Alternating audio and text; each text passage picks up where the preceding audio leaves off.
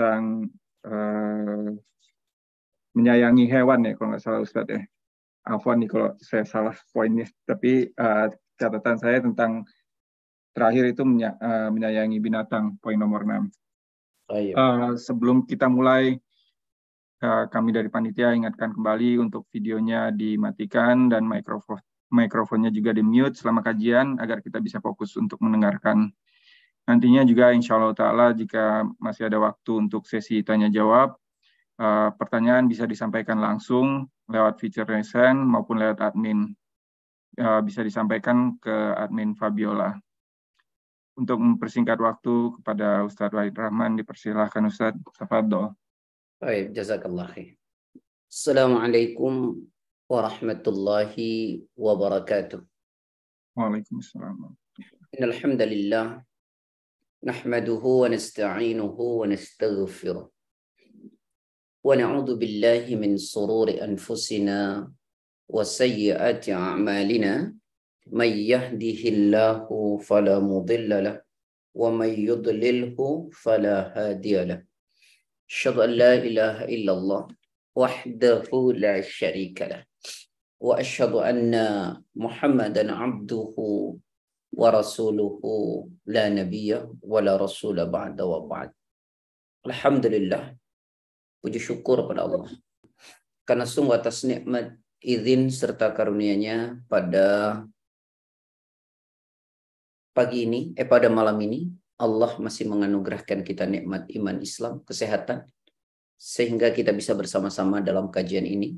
Mudah-mudahan bersama kita dalam kajian ini, kelak Allah membersamakan kita pula di surga. Salawat beserta salam. Semoga senantiasa tercurah kepada Rasulullah Sallallahu Alaihi Wasallam, pada keluarganya, sahabat-sahabatnya, pengikut-pengikutnya, dan tentu kita semua yang mengikutinya. Ikhwani wa ikhwati fillah yang dirahmati oleh Allah, eh, sahabat-sahabat rumah dakwah UK. Semoga Allah senantiasa memberi keberkahan. Kita sudah bicarakan tentang amalan sebagai penggugur dosa.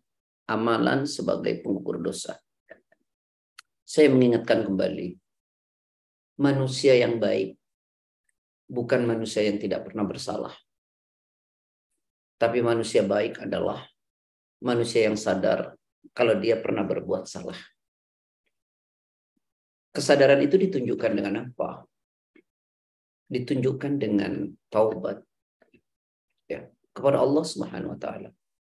Dan kesadaran itu ditunjukkan dengan kemudian mengamalkan satu amalan sebagai penggugur dosa buat diri kita. Sebelum saya menjelaskan pada bagian selanjutnya, saudara-saudaraku yang saya cintai karena Allah, ada dosa yang hukumannya Allah berikan di dunia juga di akhir. Dan ada dosa yang Allah segerakan hukuman itu di dunia. Ya. Jadi sederhananya begini. Kalau ada sesuatu yang terjadi, maka kita mesti berintrospeksi diri. Jangan-jangan ada satu kesalahan dan kekeliruan yang kita lakukan. Coba direnungkan satu ayat dulu dalam Al-Quran surat keempat ayat ke 79 nih. Ma asabaka min hasanatin famin Allah. Wa ma asabaka min sayyiatin famin nafsi. Monggo. Baik Ustaz, uh, surat An-Nisa ayat 79 yang artinya kebajikan apa pun yang kamu peroleh adalah dari sisi Allah dan keburukan apa pun yang menimpamu itu dari kesalahan dirimu sendiri. Kami Ini, mengutusmu Afan Ustaz. Sampai situ aja ya Ustaz ya, dipotong. Kita mesti Baik. merenungkan secara mendalam. Kebaikan apa pun yang kita raih ini itu datangnya dari Allah. Karena itu kita bersyukur terus kepada Allah. Dan keburukan yang menimpa diri kita adalah satu akibat ya datangnya dari dirimu sendiri. Di sinilah kita diajarkan untuk bermuhasabah, berintrospeksi diri, berkontemplasi, agar kita bisa merenung. Karena tentu dosa yang kita lakukan itu akan berakibat buruk. Bukan hanya di akhirat, tapi juga pada kita di dunia ini. Imam Ibnu Qayyim itu memaparkan dengan sempurna sekali tentang dampak buruk dari sebuah dosa. Ya, yang salah satunya adalah membuat kita tidak tenang.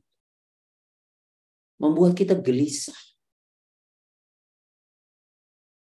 Kalau ada ketidaktenangan, ada kegelisahan, yuk kita kemudian merenung. Ada apa yang sudah kita lakukan? Ada satu hadis dalam kitab Riyadus Salihin Eh, di bab husnul khuluk sebenarnya kalau tidak salah hadis nomor 624 eh, sanatnya dari sahabat Nawas bin Sam'an. Beliau bertanya kepada Rasulullah sa'altu Rasulullah sallallahu alaihi wasallam anil birri wal itham? Satu waktu saya bertanya kepada Rasulullah tentang kebaikan dan dosa. Kala Nabi menjawab al birru husnul khuluq Kebaikan itu akhlak, etika, moral. Sedangkan wal itham adapun dosa, mahaka fi nafsi wa karihta ayyattali alaihi nas. Dosa itu yang kamu kalau melakukannya sesuatu yang membuat kamu gelisah. Tidak nyaman, tidak tenang, penuh kerisauan. Itulah dosa. Dosa itu adalah sesuatu yang membuat kita tidak tenang. Itu dampak di dunia. Belum lagi hukuman tentu di akhirat kita sudah mengerti itu. Nah, teman-teman sekalian, ini yang saya sebut dengan sebab akibat. Contoh lain misalnya, ya, eh, di dalam Al-Quran pada surat ke-30 ayat ke-41 ya surat 30 Ayat 41 Allah Ta'ala berfirman. Zahar al-fasadu fil barri wal bahri bima kasabat aidin nas liyudhiqahum ba'dalladhi amilu la'allahum yarjun.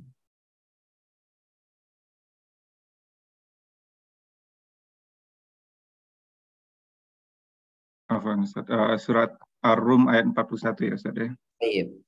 Uh, artinya telah tampak kerusakan di darat dan di laut disebabkan karena perbuatan tangan manusia. Allah menghendaki agar mereka merasakan sebagian dari akibat perbuatan mereka, agar mereka kembali ke jalan yang benar. Ini sesuatu yang saya sering menyebutnya. Kadang-kadang kita yang mengundang ketidakbaikan itu. Ya. Jadi Allah Ta'ala berfirman, sungguh telah nampak kerusakan di darat dan di laut. Itu karena akibat ulah tangan manusia. Allah ingin merasakan sebagian kecil dari akibat perbuatan mereka. Agar apa? Agar mereka mau kembali. Teguran-teguran ini yang seharusnya menyadarkan diri kita. Membuat kita kembali ke jalan Allah. Makanya seorang mukmin jika ada sesuatu yang tidak nyaman, dia kembalinya kepada Allah. Jangan-jangan ada sesuatu yang salah yang kita lakukan. Jangan-jangan ada sesuatu yang keliru yang kita kerjakan. Jika berdampak dalam kehidupan kita. Jadi agar kita mau kembali, kembali, kembali kepada Allah. Menjadi bahan muhasabah. Kadang-kadang kita ini unik. Ya. Terjadi sesuatu buat kita. Kita bukan berkontemplasi, kita bukannya merenung, malah kita seolah-olah ah, biasa, biasa, biasa. Ini perkara biasa. Inilah yang disebut kesombongan yang membuat orang tidak pernah mau merenung atas segala sesuatu yang terjadi. Sehingga dia cuek. Kemudian tidak ada perubahan. Makanya kenapa Allah katakan di dalam Al-Quran surat 7 ayat 146 sa'asrifu an ayati alladzina yatakabbaruna fil ardi bighairil haqq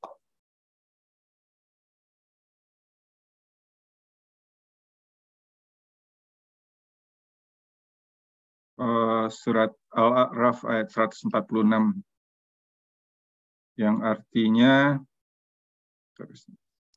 akan aku palingkan dari tanda-tanda kekuasaanku orang-orang yang yang menyombongkan diri di bumi tanpa alasan yang benar. Kalaupun mereka ter, melihat setiap tanda kekuasaanku, mereka tetap tidak akan beriman kepadanya. Dan jika mereka melihat jalan yang membawa kepada petunjuk, mereka tidak akan menempuhnya. Tetapi jika mereka melihat jalan kesesatan, mereka menempuhnya. Yang demikian adalah karena mereka mendustakan ayat-ayat kami dan mereka selalu lengah terhadapnya. Nah, ini kan yang semestinya tidak seperti ini orang mukmin. Ya, aku akan palingkan manusia dari tanda-tanda kebesaranku disebab apa nah? Disebabkan kesombongannya di muka bumi tanpa alasan yang jelas. Setiap diperlihatkan ayat Allah ya nggak mau beriman. Ayat-ayat Allah ini salah satunya apa? Fenomena alam. Sesuatu yang terjadi. Sesuatu yang menimpa. Kita keras hati kita. Karena kesombongan itu. Sehingga tidak menjadikan sesuatu itu menjadi pelajaran berharga buat diri kita. Tidak menjadi bahan perenungan. Nah, ini saudara-saudaraku yang saya cintai karena Allah. Ya. Tapi kita bersyukur Allah memberikan satu media amalan yang bisa menggugurkan dosa-dosa itu. Saya ingin coba uh, renungkan ulang bahwa ada sebuah kausalitas dari apa yang kita lakukan yang kemudian berdampak dalam kehidupan kita. Contoh lain misalnya surat 7 ayat 96. Mohon maaf ya, kalau saya memberi contoh ini tak pandai dalam kehidupan. Jadi contohnya ayat aja lah sama hadis ya. Agar kita bisa melihat.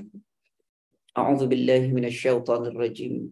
Walau anna ahlal qura amanu wattaqau lafatahna alaihim barakatin minas sama'i wal ard.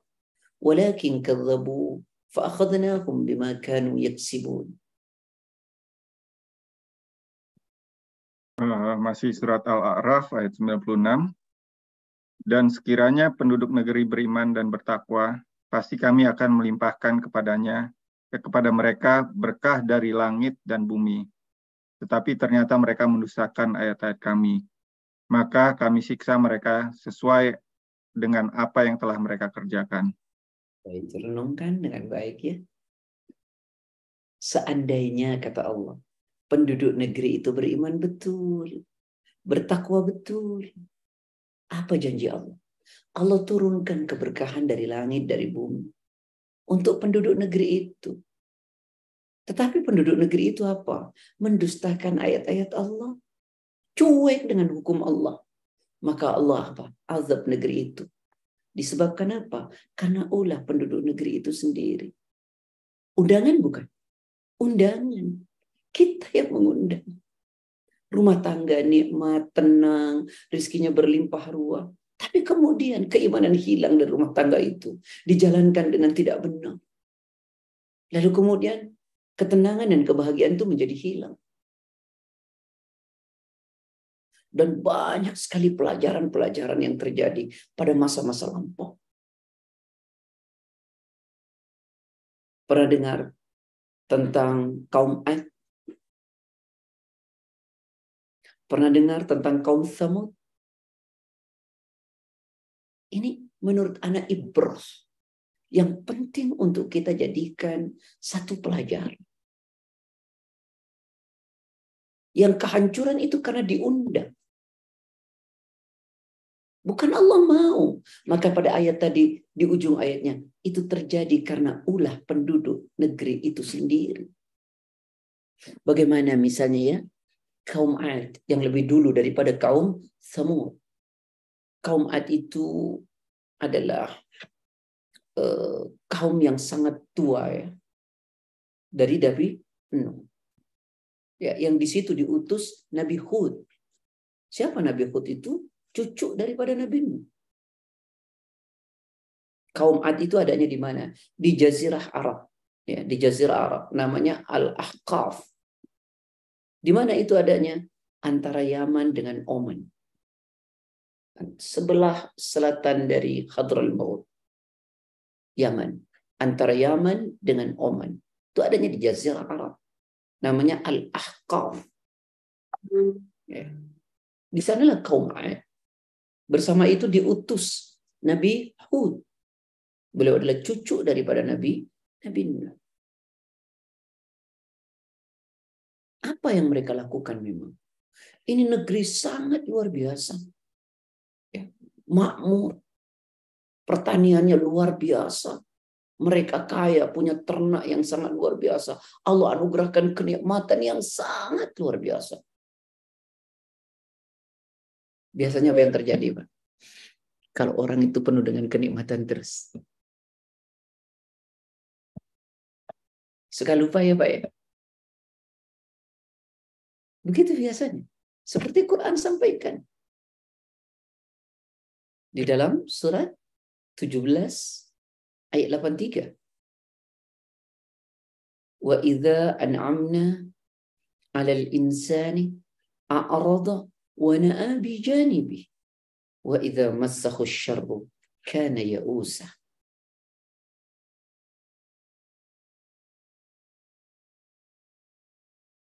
Surat Al-Isra ayat 83 yang artinya, dan apabila kami memberikan kesenangan kepada manusia, niscaya dia berpaling dan menjauhkan diri dengan sombong. Dan apabila dia ditimpa kesusahan, niscaya dia berputus asa. Ada kecenderungan negatif kan? Apabila kami berikan kenikmatan kepada manusia, apa yang terjadi? Berpaling dan menjauh dengan sombong. Itu yang sering terjadi. Makanya kadang-kadang manusia ini memang tidak kuat dengan ujian enak. Kadang ujian tidak enak membuat orang kembali kepada Allah. Tapi ujian yang enak membuat orang itu kadang-kadang suka lupa. Ini pelajaran berharga buat kita. Sejarah pada masa lampau untuk jadi ibroh. Seperti yang terjadi pada kaum Ad. Mereka itu sangat luar biasa. Pertaniannya luar biasa, ternaknya luar biasa. Sangat amat luar biasa. Tapi membuat mereka seperti itu. Lupa biasanya. Ya. Dan memang orang-orang Ad ini mereka menyembah patung. Ya. Mereka buat-buat patung lalu dinamakan dengan Samud dan Al-Hattar. Jadi dibuat patung disebut dengan Samud dan Al-Hattar. Mereka sembah.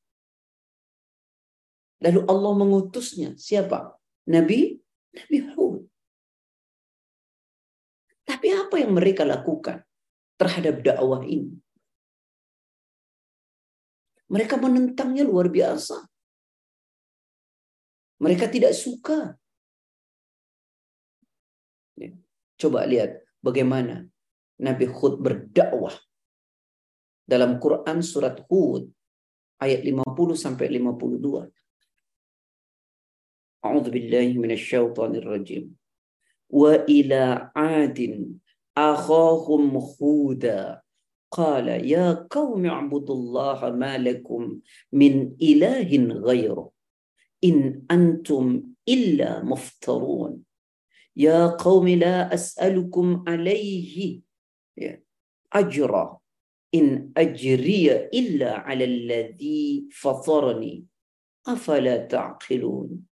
ويا قوم استغفروا ربكم ثم توبوا إليه يرسل السماء عليكم مدرارا ويزدكم قوة إلى قوتكم ولا تتولوا مجرمين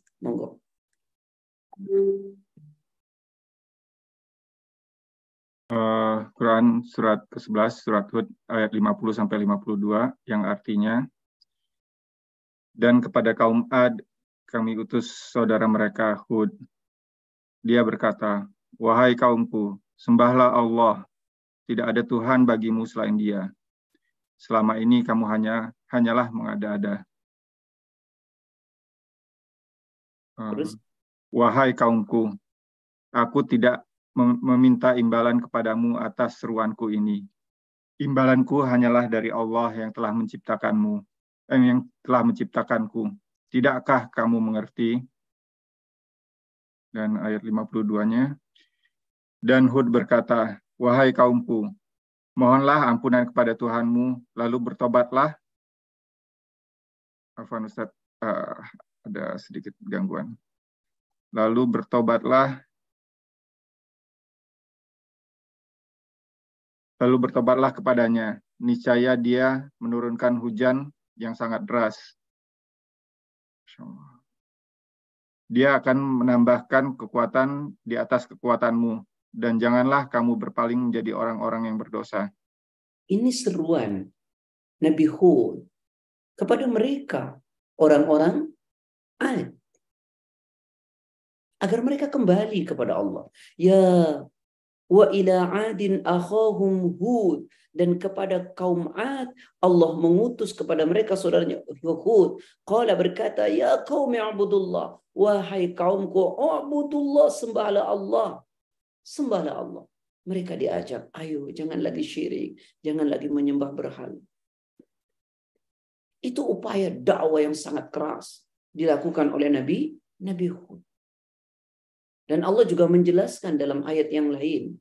Misalnya dalam surat Asy-Syu'ara ya. Dalam surat Asy-Syu'ara surat 26 ayat 128 ya sampai 135. Surat 26.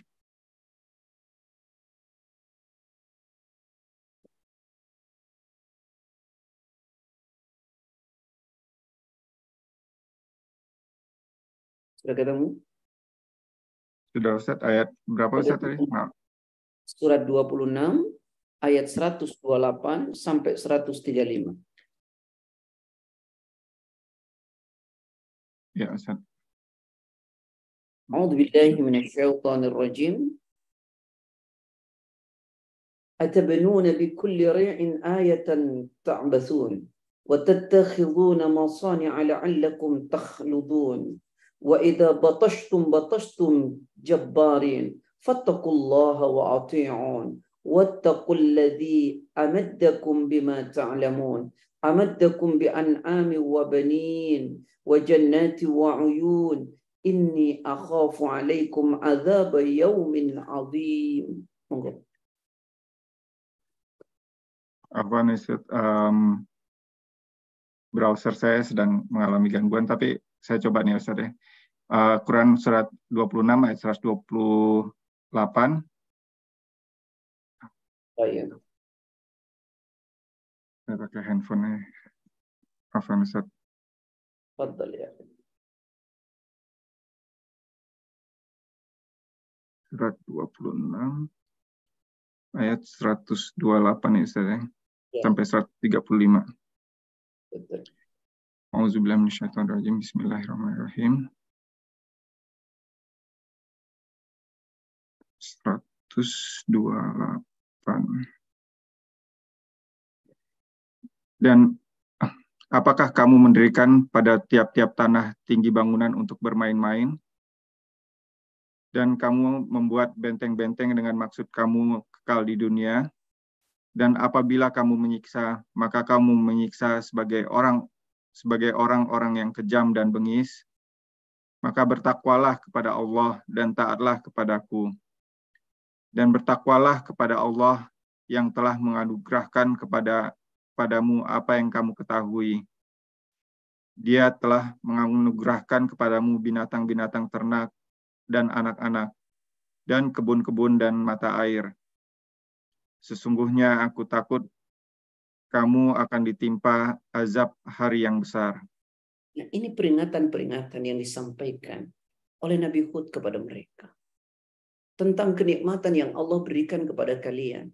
Ayo bertakwa kepada Allah. Ayo tauhidkan Allah. Ya. Tapi mereka cuek. Mereka tidak peduli dengan peringatan-peringatan Allah. Ini yang saya sampaikan. Ayo jadikan pelajaran. Ayo jadikan pelajaran. Ya.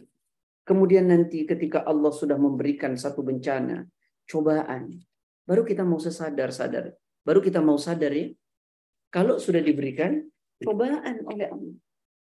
Itu yang kita tunggu. Seperti tadi Anda sampaikan. Ya.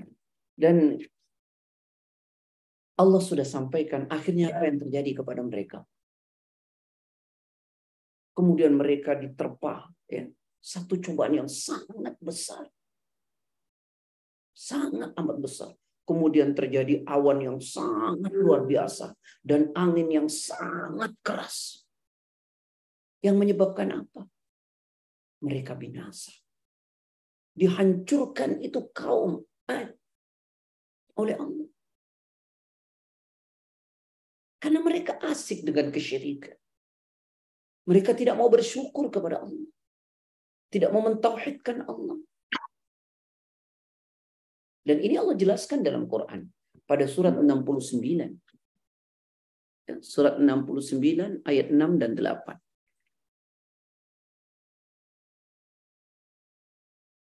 Monggo.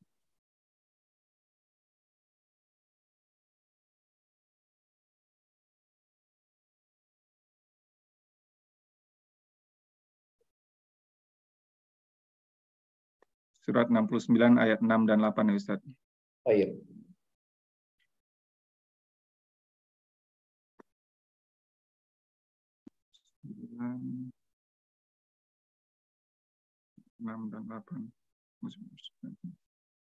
Adapun kaum Ad, mereka maka mereka telah dibinasakan dengan angin yang sangat dingin lagi amat kencang yang Allah menimpakan angin itu kepada mereka selama tujuh malam dan delapan hari terus-menerus. Maka kamu lihat kaum Ad pada waktu itu mati bergelimpangan seakan-akan mereka tunggul seakan-akan mereka tunggul pohon korma yang telah kosong atau lapuk. Mereka, maka kamu tidak melihat seorang pun yang tinggal di antara mereka. Itukah yang kita tunggu? Kita banyaklah pelajaran ya. Bagaimana kaum Nabi Lut ya dibalik oleh Allah, dihujani dengan batu. Mestinya apa yang terjadi di masa lampau ini menjadi pelajaran berharga buat kita. Ya. Dan ini yang terjadi. Apa kata Allah? Wa amma adun fa'uhliku birihin sorsorin atiyah. Adapun kaum Ad, maka mereka telah dibinasakan dengan angin yang sangat dingin, lagi amat kencang.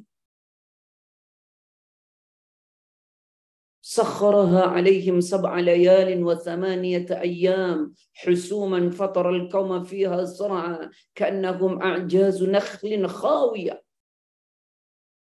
yang Allah menimpakan angin itu kepada mereka selama tujuh malam dan delapan hari terus menerus.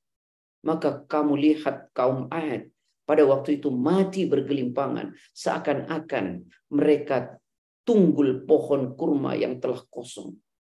Lapuk.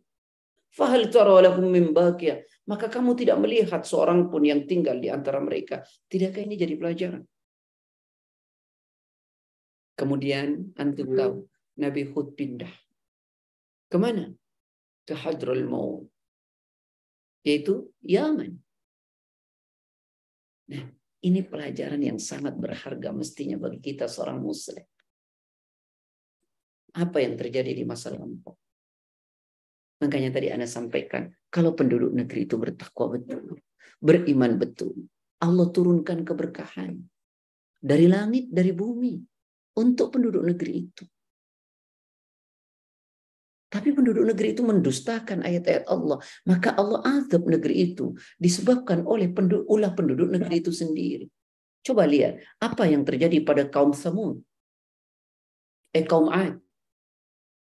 Apakah itu bukan karena ulahnya? Yang menyekutukan Allah. Menyembah patung. Yang mereka kasih nama sendiri Samud. Dan Al-Hattar. Lalu datang penyeru yaitu Nabi Hud, mereka cuekin. Mereka tidak mau. Nah, saudara-saudaraku yang saya cintai kenal. Allah bisa merubah kenikmatan yang Allah kasih. Ketenangan yang Allah kasih. Dengan apa? Dengan kesengsaraan. Karena apa? Karena kita yang mengundang. Tidak mau bersyukur atas karunia nikmat yang Allah kasih. Mungkin tidak seperti kaum Ad. Yang mereka menyembah berhala.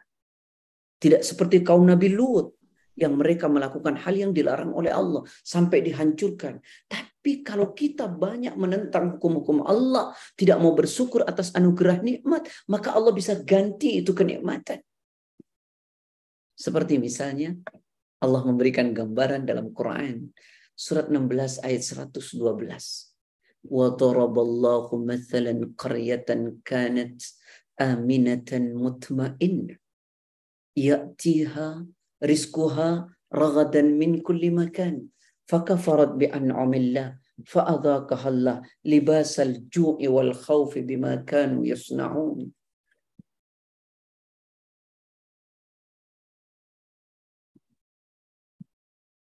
Artinya, dan Allah telah membuat suatu perumpamaan dengan sebuah negeri yang dahulunya aman, lagi tentram. Rezekinya datang kepadanya melimpah ruah dari segenap tempat, tetapi penduduknya mengingkari nikmat-nikmat Allah. Karena itu Allah merasakan kepada mereka pakaian kelaparan dan ketakutan, disebabkan apa yang telah selalu mereka perbuat. Diundangkan Pak ya? Insya. Allah berikan perumpamaan tentang satu negeri.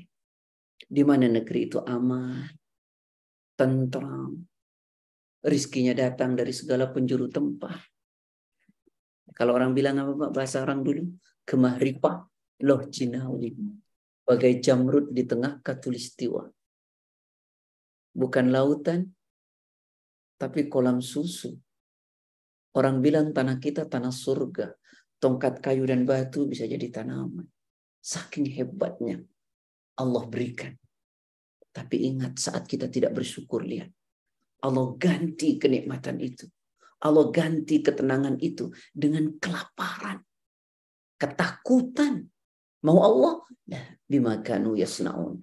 Semua itu ulah penduduk negeri itu sendiri. Ini banyak contoh dan pelajaran dalam Quran.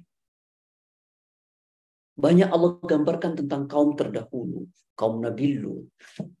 Ya. Kaum apa lagi tadi? Ah.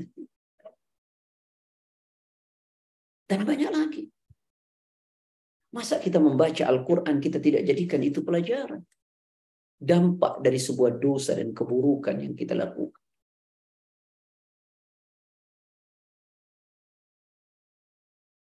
Lihat misalnya kaum apa lagi? Kaum ke sini setelah kaum Ad, yaitu kaum Samud. Ya. Kaum Samud ini apa ya namanya ya? Hmm, diutusnya ke situ adalah Nabi Saleh. Makanya Pernah Bapak ke Bani Ensaleh? Ya. Dari Madinah itu ya berapa sekitar hampir 120-an lah kilo ya ke Bani Ensaleh. Di mana itu dihancurkan oleh Allah, Masya Allah. Dan masih dipelihara itu. Sehingga bisa menjadi ibrah pelajaran buat orang. Tapi sekarang malah buat foto-foto ya. Foto-foto tidak jadi pelajaran. Padahal Nabi kalau melewati itu Bani Saleh, Nabi mempercepat jalannya. Kecuali Nabi hanya berhenti di tempat di mana ada air yang diminum oleh untaknya Nabi Saleh. Tapi orang sekarang datang untuk berfoto-foto dari tempat wisata. Sama dengan Nabi kan kalau lewat tempat ibadahnya orang-orang non muslim Nabi mempercepat jalannya. Kalau kita Pak, datengin ya. Moto ya. Masya Allah. Kadang-kadang ya roh. Nah itulah. Dan dengan bangganya kita kemudian upload. Tayyip ya. Dari mana penjelasan bahwa pada kaum uh, Thamud itu diutus bersama itu adalah Nabi Saleh. Seperti Allah jelaskan dalam Quran surat Al-A'raf ayat 73. Wa ila thamud akhahum salihah ya qala ya qaumi ibudullaha ma lakum min ilahin ghaira ghairuh mohon maaf qad ja'atkum bayyinatun min rabbikum hadhihi naqatullah lakum ayah fadharuha ta'kulu fi ardillah wa la tamassuha bisu'in fayakhudhakum adzabun alim. Monggo. Surat Al-A'raf ayat 73 yang artinya dan kami telah mengutus kepada kaum Samud saudara mereka Saleh.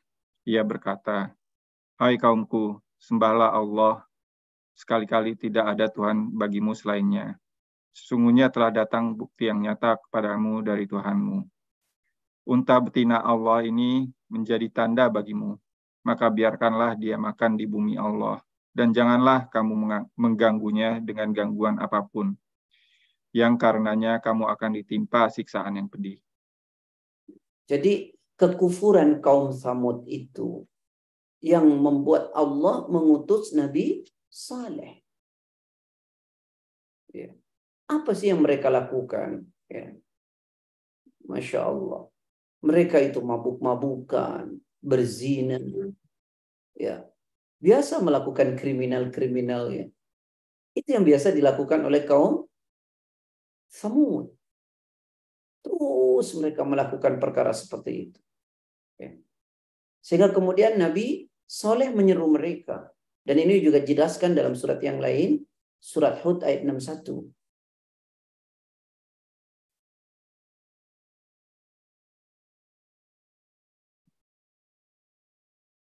Monggo. Uh, Quran Surat Hud ayat 61 yang artinya dan kepada Samud kami utus saudara mereka Saleh. Saleh berkata, Hai kaumku, sembahlah Allah. Sekali-kali tidak ada bagimu Tuhan selain dia. Dia telah menciptakanmu dari bumi tanah dan menjadikanmu pemakmurnya. Karena itu mohonlah ampunannya, kemudian bertobatlah kepadanya. Sesungguhnya Tuhanku amat dekat rahmatnya, lagi memperkenankan doa hambanya wa ila thamud akhahum salihah dan pada kaum Samud kami utus saudara mereka Saleh lalu qala Saleh berkata ya qaumi ibudullah ma lakum min ilahin ghairu hai kaumku sembahlah Allah sekali-kali tidak ada bagimu Tuhan selain dia ya. huwa ansha'akum minal ardi dia Allah yang telah menciptakan kamu dari tanah. Wasta'marakum fiha ya dan menjadikan kamu pemakmurnya. Fastaghfiruhu maka mohonlah ampun kalian kepadanya. Summa tubu ilaihi kemudian bertaubatlah kalian kepadanya. Inna rabbi qaribum mujib. Ya, sesungguhnya Tuhanku amat dekat rahmatnya lalu, lalu memperkenankan doa hambanya. Tapi apakah seruan Nabi ini didengar oleh mereka? Apakah seruan Nabi ini didengar oleh mereka? Lah.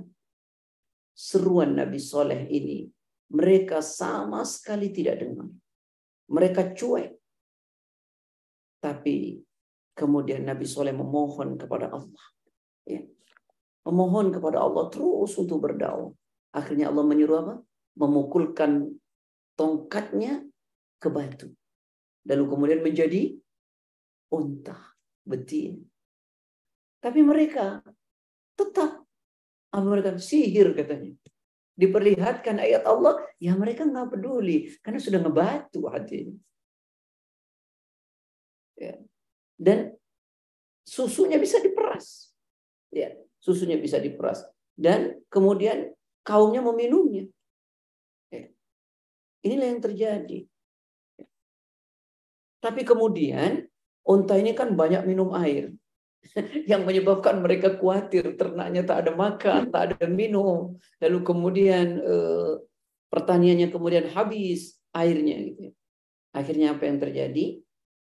Maka kemudian eh, dua anak muda ya namanya Musaddah ya, dan Gudar itu memanah membunuh onta itu sehingga akhirnya unta itu mah mati.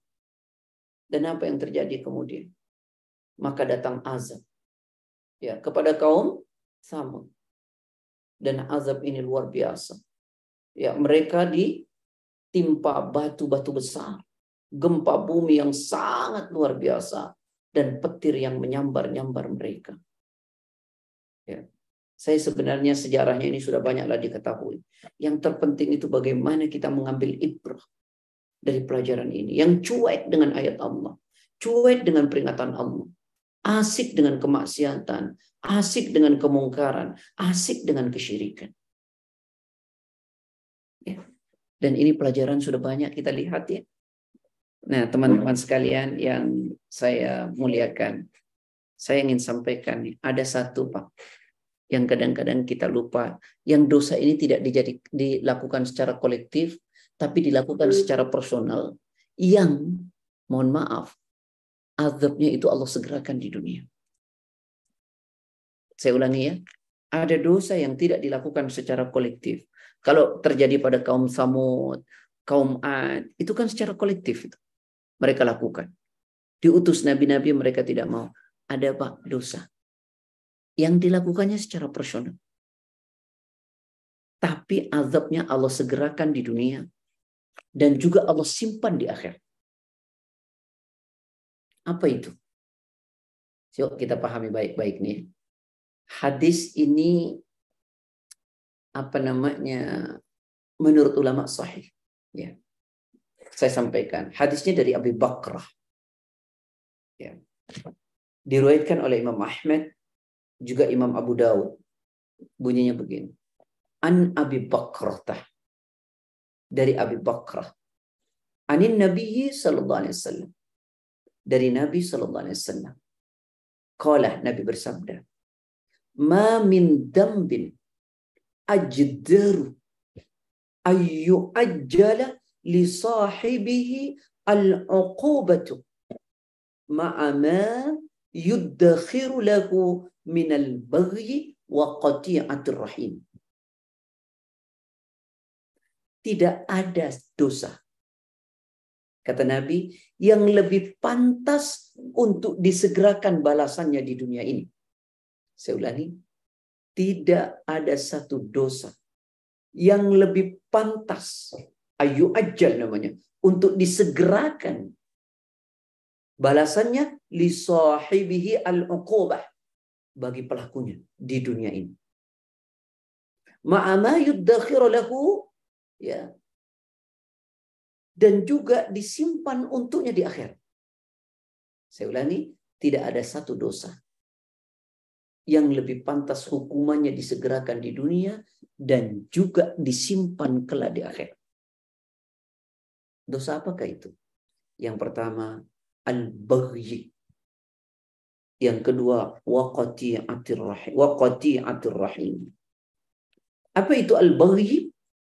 Ya. Orang yang melampaui batas.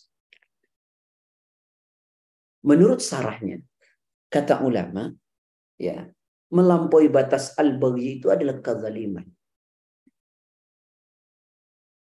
Salah satu contohnya apa kata ulama di sini? Melawan pemerintah. Termasuk kudeta. Coba lihat. Saya tidak terlalu ahli. Coba Mas Roland. Ada nggak negara yang karena kudeta lalu makmur? Biasanya Biasanya nggak ada. Hancur kan? Apa yang terjadi di Irak? Apa yang terjadi di Libya? Kita lihat. Makanya Islam itu mengajarkan apa? Ada satu pesan Nabi kepada seorang sahabat Abi Darda. Kata Abi Darda, Ausani Rasulullah SAW bitisa'in. Saya dinasehati oleh Rasulullah dengan sembilan nasihat. Tahu satu dari sembilan? Kata Rasul, "Wala tunazi'anna wulatal amri wa in ra'aita annaka anta." Janganlah engkau melawan pemimpinmu sekalipun engkau tahu engkau adalah benar. Hadis sahih. Ada dalam kitab Al-Adab Al-Mufrad. Hadis nomor 18. Dari Abi Darda. Aku dinasehati oleh Rasulullah dengan sembilan nasihat. Satu dari sembilan itu, janganlah engkau melawan pemimpinmu sekalipun engkau tahu engkau adalah benar. Menyampaikan kebenaran boleh. Tapi dengan tidak mempermalukan, dengan dilakukan secara personal. Ya. Kalau tidak punya akses, titipkan semua orang yang punya akses.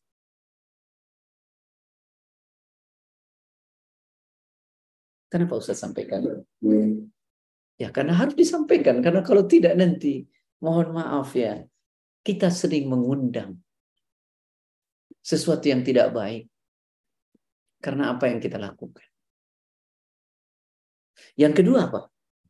Nih, atur rahim. atur rahim. Ya. Memutus tali silaturahim. Yang pertama siapa? Yang dimaksud kata ulama. Durhaka sama orang tua.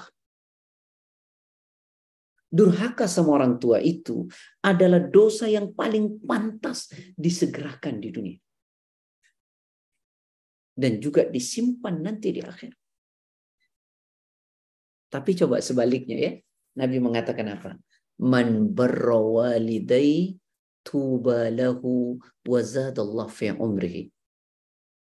Man walidai, siapa orang berbakti kepada kedua orang tuanya, tuba lahu, maka dia akan mendapatkan apa? Keberuntungan.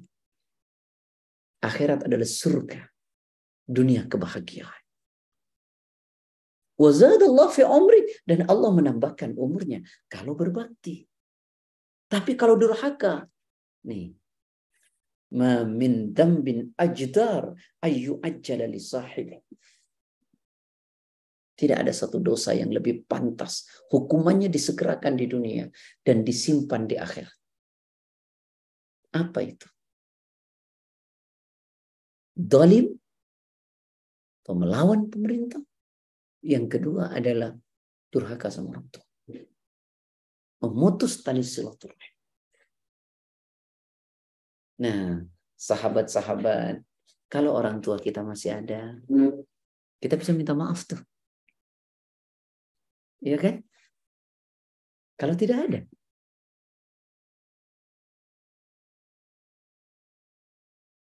Bagaimana? Nah, teman-teman sekalian yang dirahmati oleh Allah, saya memang agak melebar bicara, tapi saya ingin menyampaikan bahwa dosa itu ada efek akhirat tentu dan ada efek dunia. Efek dunia saya sudah sampaikan contoh-contohnya. Tadi ya, mulai satu negara yang aman, satu negara yang makmur, lalu diganti dengan kelaparan dan ketakutan. Quran 1612. Kemudian, kalau bertakwa betul, beriman betul, tapi kemudian menyepelekan ayat-ayat Allah, tidak mau peduli dengan hukum Allah, maka Allah timpakan azab. Quran surat 7 ayat 96. Iya kan? Kemudian apa yang terjadi pada kaum Ad? Dan apa yang terjadi pada kaum Samud? Dan saya tambah satu lagi tadi. Bagaimana dosa disegerakan di dunia yang sifatnya personal.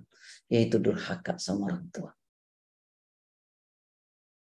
Dan apa tadi? Melawan pemimpin. Nah, ikhwani wa ikhwati fillah yang dirahmati oleh Allah. Hari ini saya ingin menyadarkan diri saya bahwa sesuatu terjadi adalah sebuah akibat.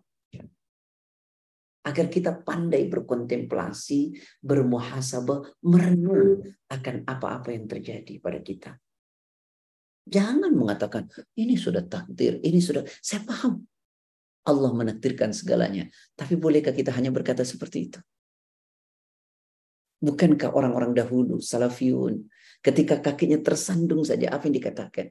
Inna lillahi, lalu kemudian astaghfirullah. Inna lillah, dia katakan ini takdir dari Allah. Lalu kemudian astaghfirullah apa? Bermuhasabah. Merenung. Jangan-jangan ada satu yang keliru yang saya lakukan. Ada khilaf yang saya kerjakan. Ada dosa yang selalu saya lakukan. Jangan hanya mengatakan takdir, takdir, takdir.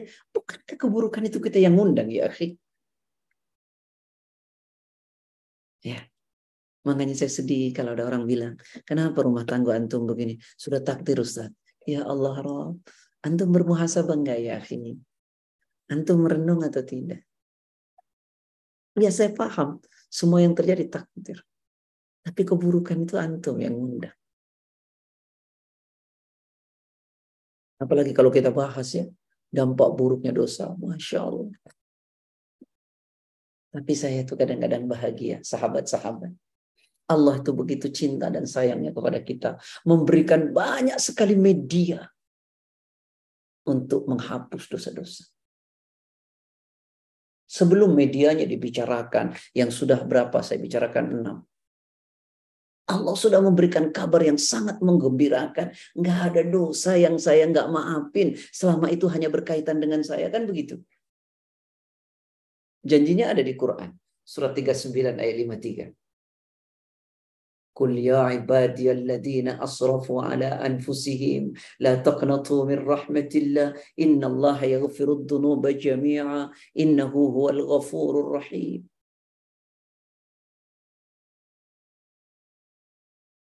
Quran Surat Az-Zumar ayat 53, Katakanlah, Hai hamba-hambaku yang melampaui batas terhadap diri mereka sendiri. Janganlah kamu berputus asa dari rahmat Allah. Sesungguhnya Allah mengampuni dosa-dosa semuanya.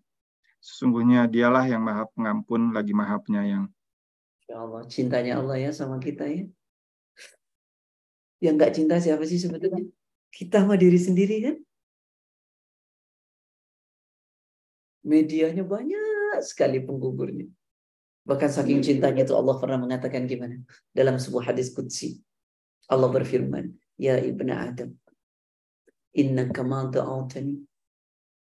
wa rajautani la astaghfiru laka ala ma kana minka wa la ubali wahai anak Adam selama engkau masih meminta kepadaku selama engkau masih berharap kepadaku maka ku ampuni seluruh dosa-dosamu dan aku tidak peduli lagi. Kalau dosa itu kepada manusia ya kita bebaskan diri kita Baik, Parolan, satu jam sudah. Mau buka pertanyaan? Fadal. Ya, Saya belum nyampe ke nomor tujuhnya ya. Nggak apa-apa, Ustaz. Bisa disimpan buat itu next time, insya Allah. Baik. Uh, ya, terima kasih Ustaz atas uh, kajiannya. Uh, untuk sesi pertanyaan, kembali kami umumkan bahwa bisa dilakukan lewat feature raise hand secara langsung ataupun bisa dititipkan ke admin Fabiola atau ke uh, WhatsApp dengan nomor 4420 uh, ke nomor 44730703230. Uh, mungkin untuk pertanyaan pertama ini saya langsung aja nih Ustaz. Kayaknya dari saya dulu nih buat pembukanya, berhubung belum ada yang masuk. Uh, tadi Ustadz bilang untuk yang yang terakhir nih Ustadz, Quran uh, yang dua dosa yang disegerakan uh, siksanya di dunia dan disimpan di akhirat. Salah satunya itu yang zalim ya Ustaz ya. ya. Kalau zalim itu hanya terhadap tadi contoh Ustaz kan ke pemerintah. Apakah hanya terhadap uh, pemerintah saja apa terhadap orang lain juga termasuk Ustaz? Semua kezaliman. Semua kezaliman ya Ustaz. Nah ini mungkin uh, kalau untuk yang tentang yang kepada pemerintah. Ini kebetulan hari ini di di London ada acara kayak long march gitu Ustaz. Jadi untuk menyuarakan solidaritas kepada Palestina. Itu apakah gimana Islam melihatnya gitu Ustaz? Istilah maksudnya ini kebetulan dari teman-teman ataupun dari saudara-saudara di sini banyak yang ikut juga Ustadz um, itu apakah termasuk dibilang zalim apa ini sebenarnya kan long march ini kalau bisa dibilang damai ya maksudnya tidak tidak merusak tapi hanya apa ya mungkin maksudnya menyuarakan solidaritas itu tadi supaya itu, pemerintah juga bisa melihat pemerintah yang di sini begitu Ustaz. Itu bukan bukan melawan pemerintah. Itu memberi masukan kepada pemerintah akan kepedulian kita yuk peduli sama Palestina gitu kan. Dia hmm. tidak minta hmm. untuk menurunkan pemerintah kan? tidak ya. memaksa untuk mengaji tidak ada masalah yang penting syaratnya ya tidak terjadi ikhtilaf iya itu menyuarakan namanya bukan ingin apa memaki pemerintah kan yang ada itu biasanya kalau kalau ini kan memang anu ya apa aksi damai untuk memperlihatkan dukungan kita kepada Palestina kayak begitu ya tidak hmm. kemudian kita melakukan sesuatu yang ingin menurunkan pemerintah memaki mencaci tidak demikian maka dalam perkara seperti itu tidak ada masalah ya tidak ada masalah bentuk kepedulian kita terhadap saudara-saudara kita di Palestina ya tapi saya tidak setuju ya ada yang mengatakan afwan. Ya sudah. Orang Palestina hijrah saja. Nanti mereka biar urusan Allah. Ini gimana cara pandang seperti itu? Anda nggak ngerti itu. Dan ini ramai sekarang. Ingat loh. Uh, bukankah Allah nggak akan rubah kaum itu sampai kaum itu merubah keadaan dirinya sendiri? Bagaimana Rasulullah membangun kekuatan di Madinah. Kemudian Mekah kemudian kembali lagi terjadi futuh Mekah. Bukankah melalui perjuangan? Bahkan dalam Islam, kalau Mas Roland rumahnya mau diambil, hartanya mau diambil, terus Mas Roland pergi gitu hijrah,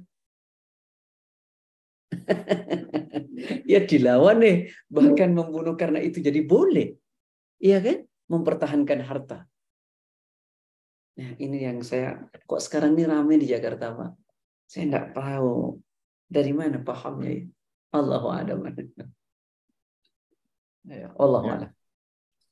Baik Ustaz, uh, terima kasih jawabannya Ustaz. Ini kebetulan ada pertanyaan yang masuk yang masih terkait dengan uh, pertanyaan saya tadi itu Ustaz. Ini kan kalau tadi aksi damai uh, tanpa ada istilah yang tadi Ustaz bilang, terus uh, bermaksud untuk memberikan masukan kepada pemerintah, itu masih bisa diperbolehkan ya Ustaz ya. Tapi ini kalau ada yang sampai uh, dan beredar juga di WhatsApp grup di sini Ustaz, misalnya ajakan untuk puasa satu hari untuk Palestina atau ada amalan-amalan khusus lainnya gitu Ustaz atau zikir bersama. Ini bagaimana nih Ustaz kalau sampai begini? Ikhwani wa ikhwati fillah. Ibadah itu ada dua macam ya. Ada yang sifatnya ritual, ada sifatnya sosial. Kalau ibadah yang sifatnya sosial, asal hukumnya boleh. Selama tidak ada larangannya. Silakan berkreasi, silakan berinovasi. Dalam konteks ritual, asal hukumnya haram. Kecuali yang diperintah saja. Jadi ruang kreasi dan inovasi tidak diperintahkan. Ya kalau kita mau puasa Senin Kemis, berpuasalah Senin Kemis, bahwa orang yang berpuasa doanya diijabah, mintalah kepada Allah. Tidak ada kekhususan puasa demikian. Antum puasa hari Senin, antum puasa hari Kamis, antum puasa Yaumul Bid. Lalu kemudian antum memohon kepada Allah, Ya Allah, Allahumma mansur muslimina fi Palestin. Allahumma mansur mu'minina fi Palestin. Itu keren. Tapi tidak ada kekhususan puasa untuk perkara ini. Ya, gitu ya Pak ya. Karena itu ibadah mahdoh. Ya, sama dengan orang puasa apa Pak? Puasa kelahiran anakku. Nah, namanya di kampung saya namanya puasa weton, Pak. Ya enggak ada. Ada lagi ditanya, puasa apa? Puasa anakku lagi ujian. Nah, ini kan mengada-ngada gitu ya. Ya puasa, puasa yang disunnahkan. Daud, Yaumul Itsnin, Yaumul Khamis, Ayyamul Bid, Ashura, Arafah. Jangan karena sunnah lalu kita membuatnya sendiri. Nah saat puasa itu doa dijawab. Katanya orang yang berpuasa kan kada hadis doanya tidak ditolak. Terutama menjelang berbu berbuka. Jadi berpuasa Senin Kemis. Lalu kemudian berdoa untuk saudara kita di Palestina. Semoga Allah tolong. Nah itu baru boleh. Ya, Jangan yuk puasa khusus satu hari, tiga hari. Anda nggak ngerti puasa apa itu. Allahu a'lam. Jadi apa ini mungkin ajakannya narasinya agak kalau dirubah begitu Ustaz. Jadi misalnya ajakan buat kita berdoa kepada kaum apa saudara-saudara kita di Palestina dan mungkin di WhatsApp itu misalnya dirubah um, ya seperti yang kita ketahui atau seperti yang diaj uh, diajarkan dalam Islam uh, salah satunya yang bikin doa itu dijabah tuh termasuk orang-orang yang berpuasa yang selagi uh, lagi waktunya lagi mau berbuka gitu. Saat kalau dibikin narasinya begitu, apakah lebih tepat atau itu ya, gimana juga? Antum membuat narasinya nggak panjang jadi cerita nanti itu. Ya. jadi kajian tersendiri ya Ustaz. Antum tulis sekalian antara azan dan ekoman ya kan ya. selipkan ya. doa untuk saudara kita Palestina saat sujud selipkan doa kita untuk Palestina saat di akhir malam gitu kan Allah turun ke langit hmm. dunia hmm. lalu Allah mengatakan siapa berdoa aku kabulkan siapa minta aku kasih kan gitu kan jadi banyak tuh kayak jadi kajian tuh jadi hmm. atau akhirnya bicara tentang waktu-waktu dan tempat-tempat terijabahnya doa hmm.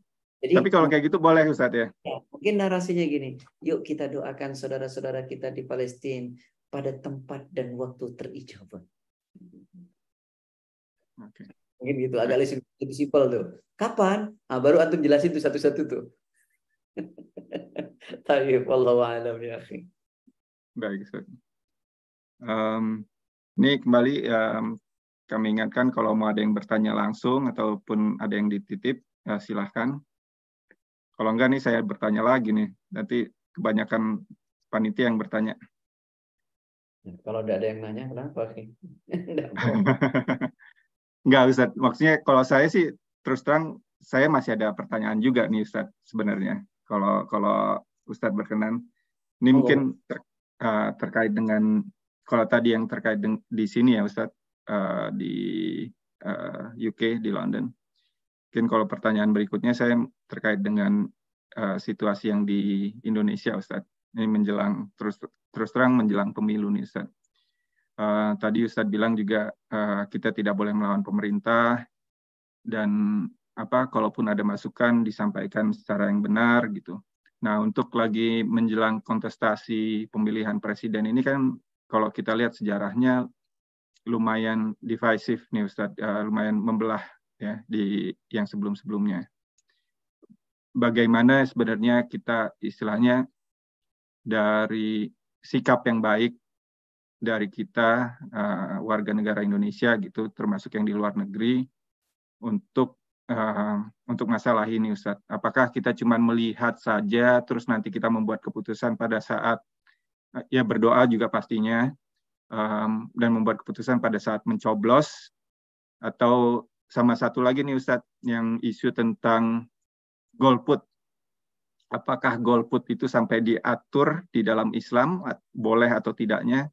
Mungkin itu mohon pencerahannya lagi Ustaz ini ulama khilaf ya. Tapi saya ingin pakai yang jumhur saja lah ikhwani wa ikhwati fillah yang dirahmati oleh Allah. E, tugas para ulama para asatid ya. Jangan sampai ada keterbelahan di antara umat ya. Jangan sampai ada keterbelahan. Karena itu ustadz dan ulama afiliasinya adalah terhadap agama dan kebenaran. Tidak afiliasi kelompok. Ketika berafiliasi kelompok, maka kehilangan objektivitas. Ketika objektivitas hilang, selesai sudah. Ya. Maka berdirilah di atas kebenaran agama. Sampaikan menurut kebenaran agama. Nah, saya termasuk yang menganut memilih. Dalam konteks memilih yang pertama adalah kenali, pahami, lalu kemudian kolerasikan dengan dalil-dalil. Al-Quran, Sunnah. Iya tak? Lalu setelah itu, Anda istikharah. Bismillah, pilih. Gitu ya. Karena lebih baik ada pemimpin tolim 100 tahun daripada tidak ada pemimpin sama sekali. Tidak ada pemimpin sama sekali akan repot. Kita diajarkan untuk taat kepada pemerintah, tapi kita tidak memilihnya. Bagaimana? Kita taat hasil dari sebuah pilihan. Kalau kita tidak memilih, lalu kemudian kita taat. Bagaimana ceritanya? Nah. Kenalilah karakteristik bagaimana pemimpin dalam Islam itu. Lalu setelah itu kemudian uh, entum istikharah, bismillah, pilih. Tapi kita tidak bisa maksa orang. Yang penting kita sudah sampaikan. Kita tidak bisa memaksa, lalu kita sampai bermusuhan. Lah, jangan ya akhi. Jangan. Itu nasihat Anda ya.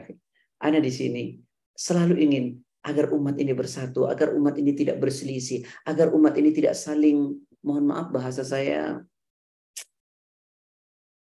memperluas, menyebarkan keburukan-keburukan hati-hati. Kalau itu benar. Kalau itu salah repot. Ya sudahlah, kenali menurut karakteristik Islam, lalu kemudian istikharah pilih. Jangan paksa saya untuk menyampaikan bagaimana karakter pemimpin dalam Islam. Apa nih? Saya sudah pagari dulu ini ya. Tapi kalau mau dikasih materi khusus, kan saya sampaikan. Ya, wallahu alam. Begitu, Pak. Baik. Baik, Ustaz. Dimengerti dan ya mungkin nanti itu untuk personal mungkin atau di lain kali. Uh, ini ada yang bertanya langsung, ada yang resen, Bu Iin ya, atau Bapak, nih mohon maaf kalau saya salah silahkan di unmute.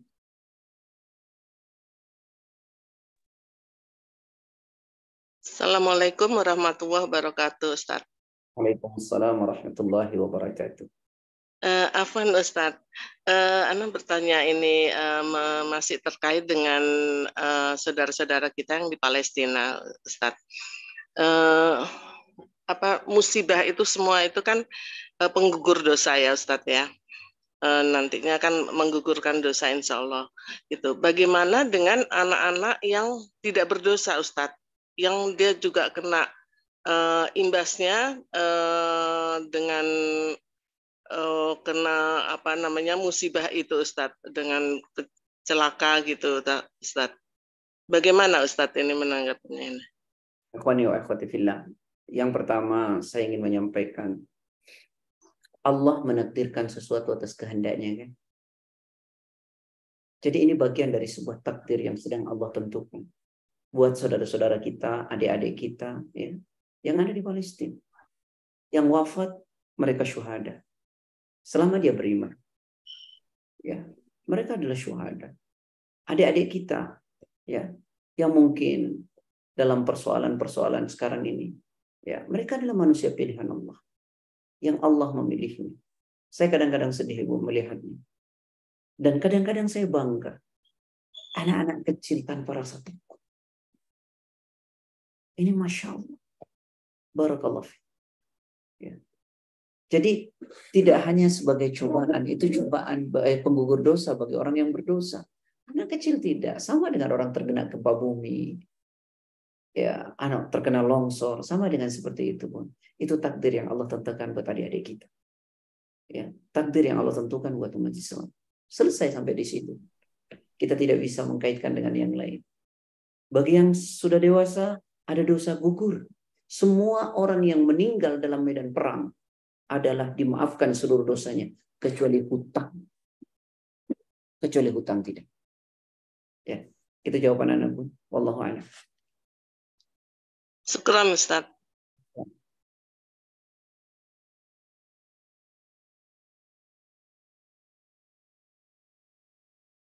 Ya, Ustaz, um, sepertinya belum ada lagi yang masuk baik lewat panitia maupun yang resen.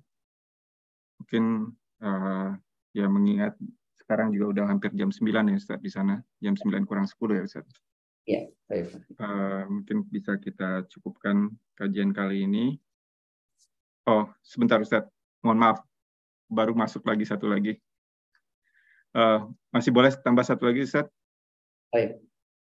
Baik. Ini uh, pertanyaan out of topic juga. Dan ini mungkin juga Afwan Ustaz tadi karena saya bertanya yang Indonesia, jadi ada yang melanjutkan. Uh, pertanyaan begini Ustaz, kalau kondisi Indonesia yang akan dalam yang akan datang dalam pemilu ini apa ulama-ulama juga dibatasi dalam berdakwah atau menuju uh, Islam Nusantara, Ustaz. Sedangkan kita ini kan pahamnya kebanyakan ahli ahlus sunnah wal jamaah uh, dengan mazhab Imam Syafi'i. Dan kalau ulama-ulama tidak mengingatkan pemimpin yang zolim, apa jadinya kalau ulama-ulama juga ikut-ikutan mengikuti pemimpin yang zolim, Ustaz? saya ingin awali ati Allah wa ati Rasul wa ulil amri minkum. Quran surat 4 ayat 59. Inni khashitu an تقول فرقت بين بني إسرائيل ولم ترقب Taati Allah, taati Rasul, dan taati pemimpin.